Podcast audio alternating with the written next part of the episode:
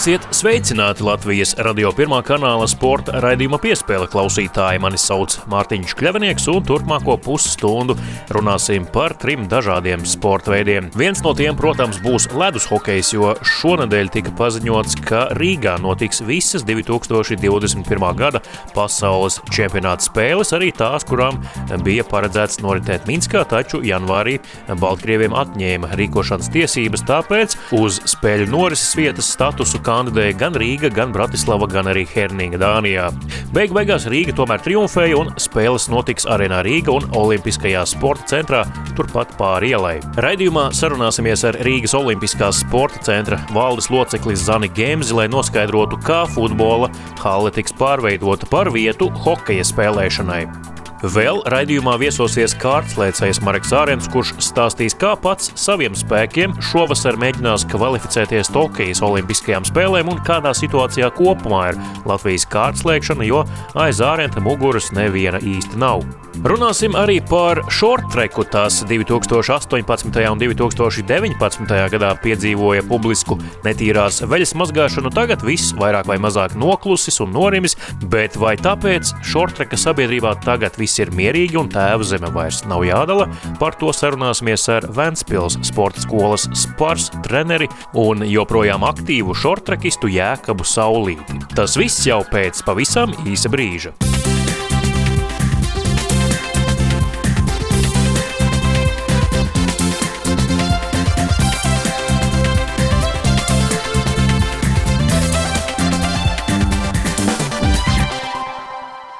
Latvijas radio pirmā kanāla sporta raidījums piespēle turpinās. Studijā es Mārtiņš Kļavinieks un turpinājumā parunāsim eh, daļai par notikumu, kas eh, ir viens no galvenajiem eh, šonadēļ, kas tika izziņots saistībā ar Latvijas sportu. Tātad Latvija Rīga rīkos visu 2021. tātad šī gada pasaules čempionātu hokejā no māja beigām līdz jūnija sākumam, un daļa spēļu notiks arēnā Rīga, kā jau tas bija paredzams, protams, kur gan citur, bet otra daļa spēļu, otrā grupa grupā, kas bija paredzētas eh, Minskā, notiks eh, Olimpiskajā sporta centrā Rīgā.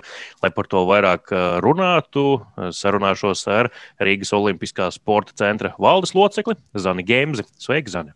Sveiki! Kad jums, kā Olimpiskajam centram, sākās pirmās sarunas ar varbūt Hokeja federāciju vai SIA Hokeja akadēmiju par šādu iespējamību, ka futbola hallē varētu pārtapt uh, hokeja stadionā? Domājamā vieta visādos, kā lai teikt, sliktākos un labākos scenārijos mēs jau tikām uzrunāti jau labu laiku iepriekš. Manuprāt, tas nav tas 17. gads, kad sākās jā, šī pieteikšanās un kad arī tika nolēmts, ka tas čempionāts būs. Nevis tikām izvēlēts primāri kā vietu, kur notiks šis čempionāts, bet, ja nu gadījumā kas, ja nu vienai zālē nezinu, kaut kas vai Daugavas stadionā nepaspēs, nu, ņemot vērā daudzos riska faktorus. Un līdz ar to šīs sarunas, protams, kad ievērojami intensīvākas parādījās tad, kad um, Fāzelkungs nāca klajā ar saviem lēmumiem par to, ka tomēr čempionāts nenotiks Minskā. Tā tad tas nav no zila gaisa kaut kur grābts un nesen ievadītas sarunas, bet nekad iepriekš nav bijis tā, ka Olimpiskajā sporta centrā kādā no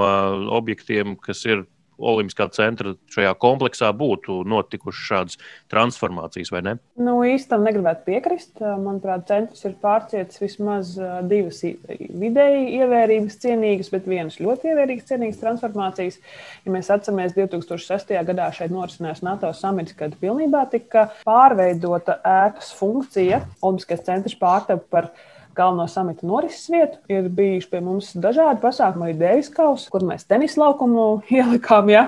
telpā, kas varbūt nav tenis laukums. Šāda veida vai šāda formāta pārmaiņas mums, kā teiksim, notikumu vietai, kā ēkai, nu, nav nekas, varētu teikt, ārkārtēji. Vai tas paģēra arī kaut ko Olimpiskajam centram paliekošu? Nezinu, varbūt ģērbtos tiks remontēts kosmētiski vai kaut ko tam līdzīgu veiks kāds, varbūt durvis kādas tiks nomainīts, remontēts, kaut kas tam līdzīgs. Ir nu, divas sadaļas šim pielāgojumam. Viena sadaļa ir tā, kas ir nepieciešams ievest, lai nodrošinātu čempionātu. Tas ir laukums, kondicionēšanas sistēmas, vārti, borti, tribīnes, kuras pēc būtības ir izmantotas nomā. Jā, attiecīgi viņas pēc tam tiek nodotas atpakaļ, un tad ir jā, šī pastāvīgie ieguldījumi, kas vai uzlabojumi. Tieši tā mums ir jāpārskata šo visu durvju jautājums, jo šobrīd ir Covid papildus sejas, un, un jāsaka, ka fasādes durvis ir tikai vienas, nevis septiņas. Jā. Tad šobrīd mums nedaudz ir šis jautājums jāpiekoriģē, lai būtu nevis tik daudz, cik vienkārši durvis ir durvis, bet šī ērta ienākšana un, un piemērota cilvēcīga, nevis nu, varbūt, tā kā varbūt ir šobrīd šobrīd, kad ēkai durvis ir ļoti daudz, bet viņas netiek ikdienā izmantotas, līdz ar to tās ir jānomaina. Attiecīgi ir labierīcības, mm, tā kā es esmu slapjais un slapjais bloks, kas ir jāpārskata. Darba saraksts mums ir pagaršs, un tas, protams, paliek ēkā, kā es saku, to ļoti novērtējam. Un jāsaka, kurš uzlabojums jau pēc tam ir paliekoši ikvienam mums kā centra apmeklētājiem. Mums jau rūp mūsu klients, lai viņam šeit ir ērti un patīkami.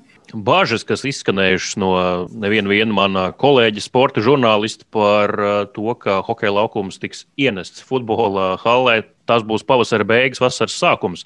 Es esmu bijis Olimpiskā centra basketbola hallē vasaras vidū, kad ārā ir diezgan augsta temperatūra un tur nu, nav īpaši daudz ko elpot. Kāda ir risinājuma un kāda varbūt problemātika jūs saskatāt tajā visā, kas jums ir jau jāparedz iepriekš, lai uh, viss būtu kārtībā un, kā saka, ledus nesāktu kust tur iekšpusē? Ja mēs runājam par tevis pieminēto basketbola zāli, tad jā, vēl tajā brīdī mums nebija apgaismojums nomainīts uz LED apgaismojumiem, kas būtiski piesilda telpu, ja tad attiecīgi ir skatītāji un jāsaka, ka basketbola zāle ir tieši trīsreiz mazāka nekā futbola zāle. Futbola zāle tiek izmantot arī vasaras periodā, kad ārā ir plus 30 grādi. Bērni spēlē uz iekšējā laukuma, jo tur ir ievērojami vēsāks.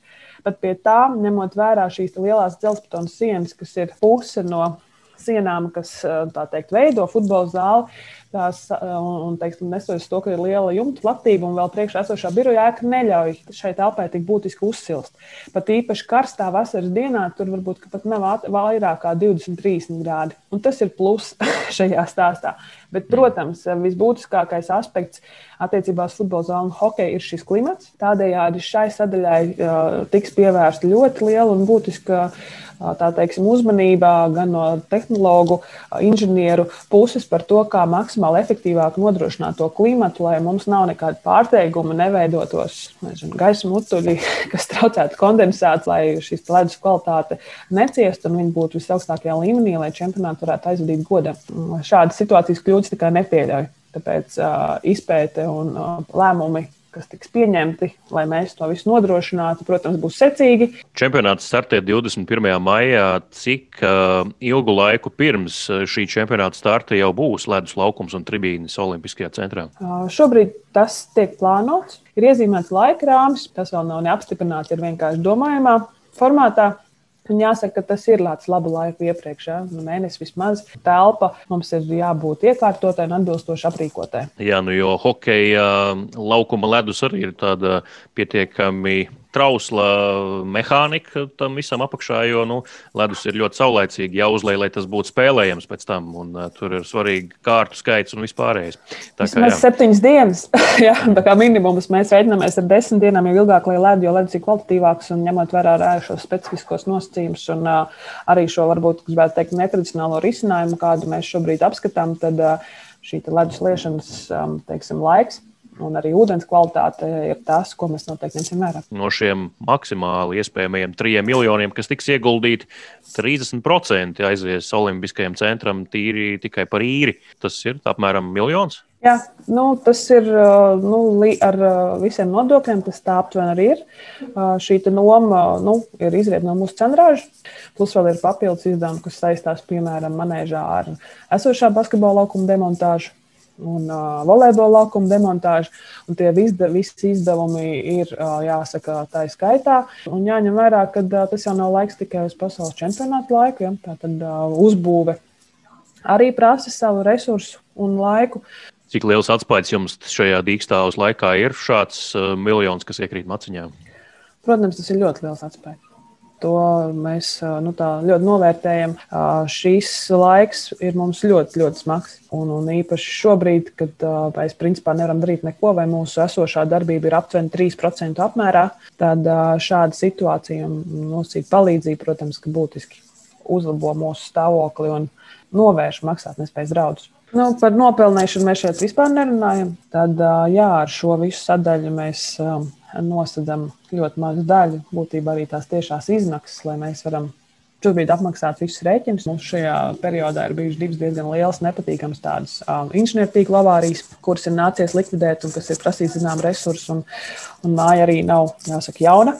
Viņa ir diezgan jau padzīvojusi un, un daudz piedzīvojusi. Un, uh, jā, šie finanšu resursi mums ir būtiski. Kā tiem, kuri, piemēram, sociālās saziņas vietnēs jautā, kāpēc vispār Latvijai ir vajadzīgs šāds čempionāts īres mēra laikā, kā daži jau salīdzināja, tad, nu, lūk, te ir arī atbildi. Piemēram, Olimpiskais sporta centrs var gan uh, saviem darbiniekiem nodrošināt kādus ienākumus, gan arī nu, paši sevi, savu situāciju tehniski uzlabot un visādi citādi tas nāk par labu tomēr.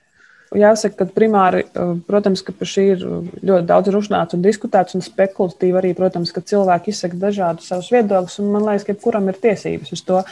Bet, ja es skatos racionāli šīm lietām un uh, domājot par to, ko tas dod tieši Latvijai, tad, piemēram, uh, viss apskaņošana, apgaismošana uh, ir tīri jā, šīs te, kā lai saka, viesnīcas nodrošinājums, ēdināšana. Uh, jāsaka, visi tie pakalpojumi, kas tiks sniegti hokeja čempionāta laikā un kuram tiks tērēt, jāsaka, 14 miljonu eiro, tā nauda uh, aizies un, teiksim, nodrošinās konkrētu cilvēku kopu, iedodiet dzīvotspēju. Ja? Un, ja man ir jāskatās no tāda aspekta, tad, eh, protams, Latvijas valdības budžets arī tā skaitā, bet, ja mēs skatāmies no 14 miljoniem šo PVN nodokli, ja, patiesībā tas viss iebirst atpakaļ valsts budžetā, ja, nodokļa formātā, gan darba spēka nodokļu formātā, gan arī šie nodokļu maksājuma formātā. Un, un man liekas, ka tas nodrošina to dzīves ciklu teiksim, nepārtrauktību. Nevis iespējams arī, šieksim, arī valdībai visticamāk, agrāk vai vēl pēc šī iespēja izmaksāt dotācijas un atbalstus un subsīdijas beigsies. Bet šis ir tas tāds, ka mēs vienkārši nevis paprasām naudu ja, un turpinām dzīvot, neko nedarot, bet mēs sniedzam pakalpojumu. Man liekas, ka tas ir ievērojami vērtīgāk, nevis vienkārši izmaksāt subsīdijas. Jā, te es atceros tādu jauku frāzi, ko rakstīja mans kolēģis Jānis Matulis, ka mēs principā kā valsts Latvija par 3 miljoniem nopērkam 14, kas ir ļoti labs darījums.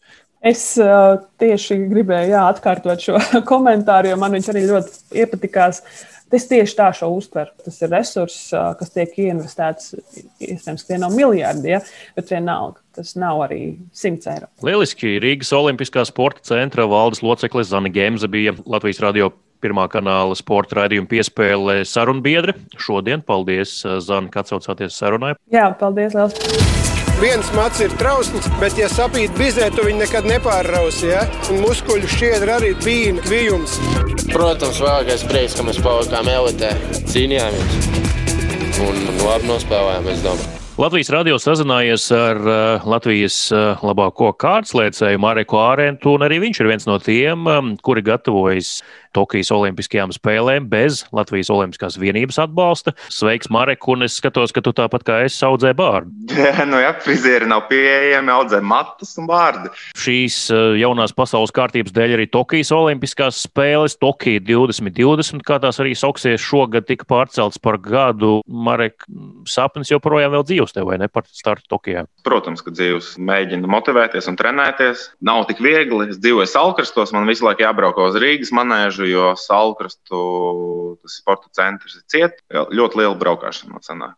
Katru dienu gan arī. Kā vispār norit tas tavs darbs? Tev ir kāds pāraugs, kurš plāno treniņus, vai tu pilnībā to pats dari? Nu, tā es pats plānoju tos uh, visus savus treniņus, un ko dzert, ko ēst. Uh, un mani pieskata mana dzīves biedrene, menedžera treniņos, lai es nepārforsētu, lai es nedaru kaut kādas stulbības. Bet nu, mēs trenējamies kopā, tāpēc tas ir diezgan vienkārši kā tagad veidojās tas tavs, eh, nu, teiksim, tā vācelīte, tas grosis, no kura ņemt finansējumu treniņiem.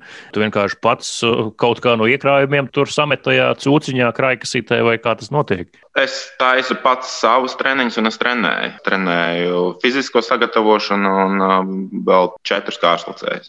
Viņi man maksā par treniņiem, jo savādāk Savādāk es nevarētu. Tad, principā, Latvijas kārtslēkšana un tās nākotne gulstās uz taviem pleciem. Sanāk tā? Nu, jā, pagaidām tā ir. Bet... Tas ir zem jautājuma, vai es turpināšu trenēt vai nē. Kāda vispār ir apstākļi, ar ko tev tavā gadījumā ir jāsaskarās? Nu, tas ir absolūts minimums, ar to pietiek. Tas ir zem katras kritikas, kā tu to raksturot. Manā vecumā ar to vēl kaut kā var pacīnīties. Protams, tā manēža ir augsta, un tāpēc es priecīgs, ka ziemas sezonas nav, jo neizturētu, nu, lai trenētos manā vecumā, nu, pēc 30 gadiem, pat līdz 30 gadiem kaut kādās eksplozīvās disciplīnās. Jābūt vismaz no 18, 19 grādiem manēžās, jo ir milzīgs traumu risks. Bet kaut kādā veidā sevi uzturēt formā un sagatavoties vasarai, jā, var. Kādi ir bijuši citi olimpiskie gadi tavā gadījumā, piemēram, par Rio runājot? Kāda bija varbūt tad gatavošanās saistībā ar Rio un kāda ir tagad? Tad es dzīvoju jau vairākus gadus Ventspīlī. Katru no septembra līdz uh, aprīlim es pavadīju Ventspīlī, trenējoties gan arī visu laiku, divreiz dienā. Un uh, dzīvoju blakus manēžai, un tur tādas problēmas nebija. Kur jābrauk, baigi tālu un augsta manēža, jo Ventspīlī vienmēr viss bija silts Kāpēc tas ir mainījies tagad? Nu, skaidrs, nu, dzīves vieta tev ir. Tur, kur ir, tas ir pat tālu no Vēncpils. Tomēr tā apstākļu maiņa, treniņa maiņa, kā tas viss uh, evolucionējās līdz šim brīdim. Nevar taisīt uh, divus treniņus visu laiku pēc, bez apstājas dienām. Bija viņa jāpiedomā, lai nenotraumētos. Notraumējas to aiziet divus soļus atpakaļ visbiežāk un tad tev atkal jāatgūst. Pēc es trenējos bišķi mazāk, mazliet gudrāk. Runājot par Tokiju un tavu iespējamo startu Tokijas Olimpiskajās spēlēs, nu, kāds ir tas tavs ceļš? Eh, ar Dmitriju Miļkeviču runājot, starp citu, pirms apmēram pusstundas viņš teica tā, nu, Mareks ir rangā 40. Tas ir tūtam 32. kas tēmē uz Tokiju. Kas tev ir jāizdara, lai nokļūtu Tokijā? Cīnās par rangu, man būs jāatrod īstie mači, un tajos diezgan tāda, tāds labs rezultāts jāuzliek, pat nenormatīvs. Un otrs ceļš ir, ko es gribētu es uzlikt ar normatīvu, kas ir 5,80. Tas ir mazliet grūtāk, bet es domāju, ka diezgan reāli. Tas ir arī grūti, tāpēc, ka sacensība jau nav jau zināms, kad būs, kur būs, kādas tās būs. Nē, nu, starptautiskās sacensības viņas būs. Un es vairāk gatavojos vasarai, tagad tā nolēmu. Bet sacensības būs. Jautājums, cik daudz viņas būs, kādās valstīs? Tu varbūt pēc profesionālās uh, karjeras beigām gribētu iesaistīties kaut kādā sporta pārvaldē, dalīties ar savām idejām, varbūt uzturēt to rūpi par kārslēgšanu. Jo, nu, kā jau teici, ja tev apniks, tad nu, tas varbūt arī pazudīs. Kā esmu ieinteresēts uh, kaut ko darīt kārslēgšanas jomā. Mm, bet nu, tagad es vēl tā aktīvi nedomāju par to, bet kaut kādus veidus plānoju, kā varētu viņu attīstīt. Jo es uzskatu, ka sporta veids ir diezgan interesants, ekstrēms. Visi nevar ar to nodarboties. Visi var laikt, bet nevar uh, sasniegt rezultātus. Es ceru, ka būs mums Latvijā potenciāls kārslēgšanai. No Rio Olimpijāda vispār tāda unikāla bija. Nu, Galu galā divi kārslēcēji mums bija. Tu un Pauls Pujāts. Uh, kaut kas tāds varētu atkārtoties no kaut kurienes iznirt kāds vēl, nezinu, no Amerikas dzīvēm, kāds students. Nu, Latvijas students vienīgie Pauls kaut ko izdarīs. Pie manis trenējas jaunais audzēknis, bet viņš ir par jaunu. Vai nu tu? Un varbūt Pauls, vai arī, vai arī tad, ne, tur tā tālāk, tur tā aiz ir pietiekami dziļa. Ja vēl. nu, ļoti tālu, ļoti tālu. Bet uh, prieks, ka tu cīnies, prieks, ka tu tēmē vēl uz Tokijas Olimpiskajām spēlēm, un kas zina, varbūt arī uz Parīzi. Paldies, teikšu tev, Marek. Tas bija Mareks Ārens sarunā ar Latvijas radio par un ap kārtslēgšanu un viņa olimpiskajiem sapņiem un mērķiem. Kad ir apmēram, nu, tu teici vasarā, bet apmēram, kad ir tās pirmās sacensības, kurās tu varētu startēt, kurās mēs tev varētu sekot līdzi?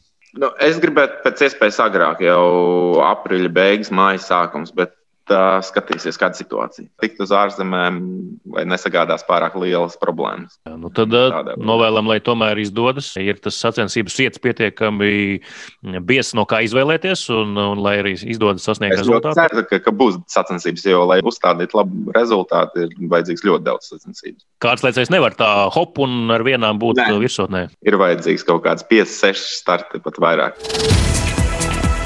Mēs smagi strādājām. Mums bija viens mērķis, visiem viens kopējs. Esam pusceļā, vēl viens solīts palicis. Prieks, ka neslūdzām un noticējām sev, ka varam vinnēt. Latvijas radio pirmā kanāla sporta raidījums piespēle turpinās studijā Mārtiņš Kļavinieks, un turpinājumā parunāsim par, nu, jāsaka tā, sporta veidu, kas pēdējo pāris gadu laikā varbūt bija ierauts tādā negāciju vai nesaskaņu virpulī, bet, nu, jau pēdējie mēneši vai pat pēdējais gads ir tāds relatīvi daudz klusāks nekā tas bija kaut vai 2019. un 2018. gadā. Proti runa ir par short treku. Atceramies, ka vēl pirms 11 gadiem Haralds Silovs mūs priecēja ar sniegumu šortreka ledus laukumā, pēc tam gan viņš pārgāja uz ātras lidošanu, pat vienās olimpiskajās spēlēs paspējot sacensties abos sporta veidos. Tagad šortreks, laikam jau jāsaka, ir jauno treneru un arī jauno sportistu rokās nonācis cita šortreka paudze, un viens no tiem, protams, ir arī treneris Jēkabs Saulīts, ar ko parunāsim sporta raidījuma piespēļu turpinājumā. Sveiks, Jēkab! Sveiki! Prieks parunāt beidzot. Kā tu sev dēvētu? Treneris, šortreka entuziasts, pēc nesenā Eiropas čempionāta vēl druskuņi arī sportists. Tā profesionāli gribēju teikt, vairāk kā treneris eh, kopš 19. Eh, gada es sāku strādāt Ventspīlī pa nopietnu no 14. gadā es beidzu. Nu, es sočiem netiku, bet tad es arī tā kā pieliku punktu tam sportam uz kādu brīdi, un tad uh, to Jāgaunu viss man ierauga bišķiņu apakaļ. Šogad tā Covid apsvērumu dēļ mums te Ventspīlī sanāca, ka sportisti nevarēja tā kā visi būt treniņu grupu mūsu, ko mēs parasti slidojam kopā, un tad es arī tā kā sāku palīdzēt slidot, eh, tur tīri kaut kāds aplis pavilkt eh, Robertam un tā, un tad kaut kāds četras vai trīs dienas pirms lidošanas uz Eiropas čempionātu mēs tur uzzinājām, ka Angļi nepiedalīsies Eiropas čempionātā, mēs bijām pirmie aiz līnijas, eh, un tad arī tā nopietnāk uzreiz dabūjām Andy Vīgantu. Viņš Jāgavā gan trenējies vairāk vai mazāk, un tad četras dienas pirmdienas līdz ceturtdienai paslidojām Polijā diezgan tā labi īsā laikā, ko mēs tur dabūjām gatavu. Un, nu, rezultāts mums jau šis vispār bija tāds, tā vispār necerēja, bet nu, rezultāts ļoti labs. Tādā ziņā bija mēs gan uz laiku noslidojām vienu sekundi lēnāk nekā Latvijas rekords uh, stafetē, ņemot vērā tajā laikā, kad arī tie, kas slidoja, katru dienu slidoja. Mēs, Andy, tā nevarēja teikt, ka tā profesionāli. Es tā kā bišķiņ lēnām atkal atsāku, bet, nu, man prioritāte tomēr tas treneru darbs. Tā. Tas nozīmē, ka tā stafete drusku iemetā aķi lūpā, jā, atkal pašam uzvilkt slidus. Nu, jā, jā, jā, nu, tas kā Roberts un Reins, viņi tomēr. Uh, tas līmenis viņiem ir nenormāli augsts. Un, ja viņiem man vien tā motivācija, ka es varu viņiem varbūt palīdzēt. Tu uh, esi Vēnspils sporta skolās pāris treneris, vai ne? Es esmu galvenais treneris un uh, manī kolēģi Irīna Ozoliņa, kur tā kā video pamatgrupa nodarbojas mums vēl viena trenerī, kurā pašiem mazākajiem Katrīna nodarbojas. Tad mēs tādi trīs pamatā ir, mums 55 vai 56, man tur šī Covid dēļ nojūtas, bet šortrikists uz visu to Ventspēlī un Jāgavā, man liekas, tas pats apmēram. Joprojām ir šie divi šis dalījums uh, un divi šie centri, Vēnspils un Jālgava, ja, kur šortā nu, jā, noteikti, noteikti, jo Vēnspils, nu šitas ledus, viss, kas mums te ir, tīri Vēnspils pasākums, šitas, tas viņa kā, kā pašvaldība, Olimpiskais centrs, tas ir no viņiem, un Jālgavā tas pats. Ja nebūtu jā, jā. pašvaldību interesi uzturēt šortreku, tad šortreka nebūtu Latvijā? Man liekas, jā, Mērupē tur pašlaik nav. Arī tā varbūt Covid dēļ tur viss pagrim, bet tur bija tiešām, ka es saprotu, ka tur arī bišķiņ bija, tā, kad tā Rīgā dzīvoja, bija aizbraucis kaut ko bišķi, nu, ļoti minimāli palīdzēt, bet paslidot. Un tur bija, ka viss bija privāti, cik es saprotu, gan inventārs, gan sacensībām vecāki pilnīgi paši veda gan trenerei, tur eh, saprot, ka viss maksā. Tas uzreiz bišķiņ, arī tiem sportistiem bija bijis savādāk attieksme. Tā kā Ventspēlī mums gan ļoti, ļoti, ļoti nāk pretī sportistiem. Tā Evita Krievāne Mojsēčenko joprojām Jelgavā tur to sāpi par šortreku vai viņi no turienes prom? Viņi prom, viņi Šveicē gan eh, klubā tur strādā un Šveicis nacionālā treneru tur kopš eh, pagājušā gada jau, man liekas, to olimpiādu jauniešu. Radio klausītājiem tātad varam pastāstīt, jā, Roberts Krūsbergs, Reins Bērziņš, eh, laikam jau šobrīd Latvijas labākais šortrekists, vai ne? Viņš šobrīd, jā. Jā, ļoti, nu, ļoti augsts līmenis pašlaik viņiem. Un par Robertu es varu pateikt, ka spēku un izturību ziņā viņam maksimālais. Mēs tā kā uz to lielāko ejam, bet nu, tā vieta, kur ko pietrūkst, tieši ir, domāju, tā slidošana tā kā ar viņa li vienāda līmeņa plus-mínus slidotājiem, jo es viņam te beigas kaut ko, ko var patraucēt uz laidu var, bet tas ir ļoti maz. Jā, kas ar otru brāli Krūsbergu bija, taču viņi divi? Nu, viņi bija divi, jā, bet uh, otrs brālis stafetē, viņš bija, viņš individuāli neslidoja pagājušajā sezonā Eiropas čempionātā, un viņi tur Eiropas čempionātā dabūja sodu, tad īsti uzreiz netika tā komanda vairāk iekšā. Un tad viņam, nu, ka beidza vairs nebija tajā lauka sastāvā, attiecīgi uzreiz mazāks tas viss finansējums Un viņam vajadzēja meklēt darbu. Jā, nu dzīve ir dzīve, katram savs ceļš ejams. Jā, jā.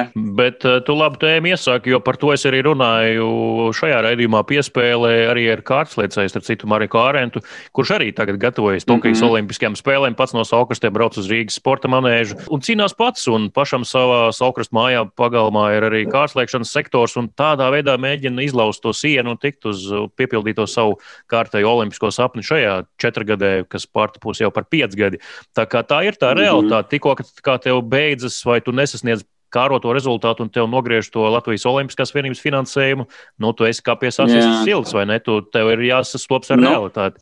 Tā kā es biju tajā Rīgā pēc 14 gadu strādāju, un tā, kad arī tajā Jāgavā sākās, nu jā, tur tomēr tas attālums bišķiņ jūta, bet, nu, bišķiņ, ko varēja aizbraukt, aizbrauc uz to, un tas arī, cik tu vari izspiest. Tad Mārupē parādījies tur vēl bišķiņ, bet Protams, uzreiz sacensībām tev tāpat nav. Kā man nu, finansējums, es tā baigi grūti dabūt eh, privāti, ko tu varētu. Jā, bet nu, arī, kā skatās, ko es ar Endiju tagad sasniedzām Polijā augstāko karjerā rezultātu. Nu, mm. Ironiski, bet nu, kaut kā ka mēs galīgi nenometam to plintu krūmā, kaut kā cik tas laiks ir, to mēģina ieguldīt tajā sportā. Jā, nu 2018. gads pēc Korejas Olimpiskajām spēlēm bija tāda diezgan liela publiska netīrās veļas mazgāšana, šorteka vidē.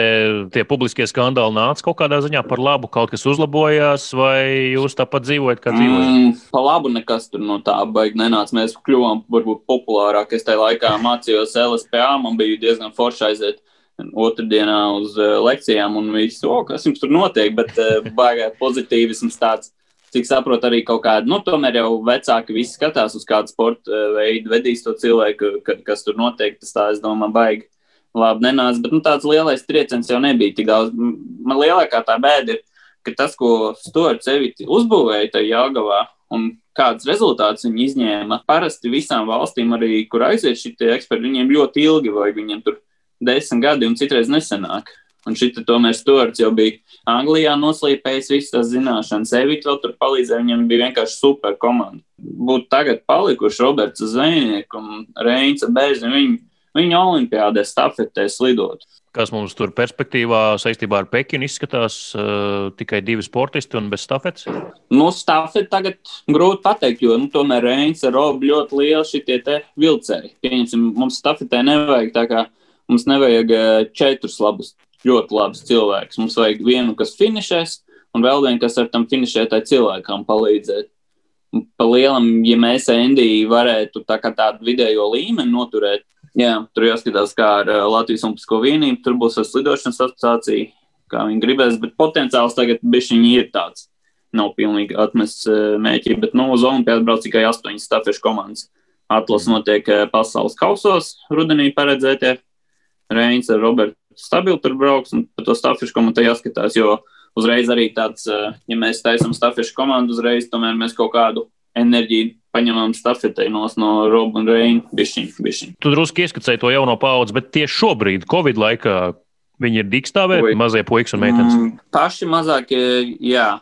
Paši mazākie mums, vismaz Ventspēlī, notiek kā ar treniņu, viņiem tur eh, ir viņas uzvalniņas pārsvarā, bet mums ir kaut kādi seši līdz astoņiem, kur mēs arī dabūjam no asociācijas, ka viņi var trenēties, un tad tā grupiņa bišķiņi ir tiem nākamajiem, kas mums ir labākie.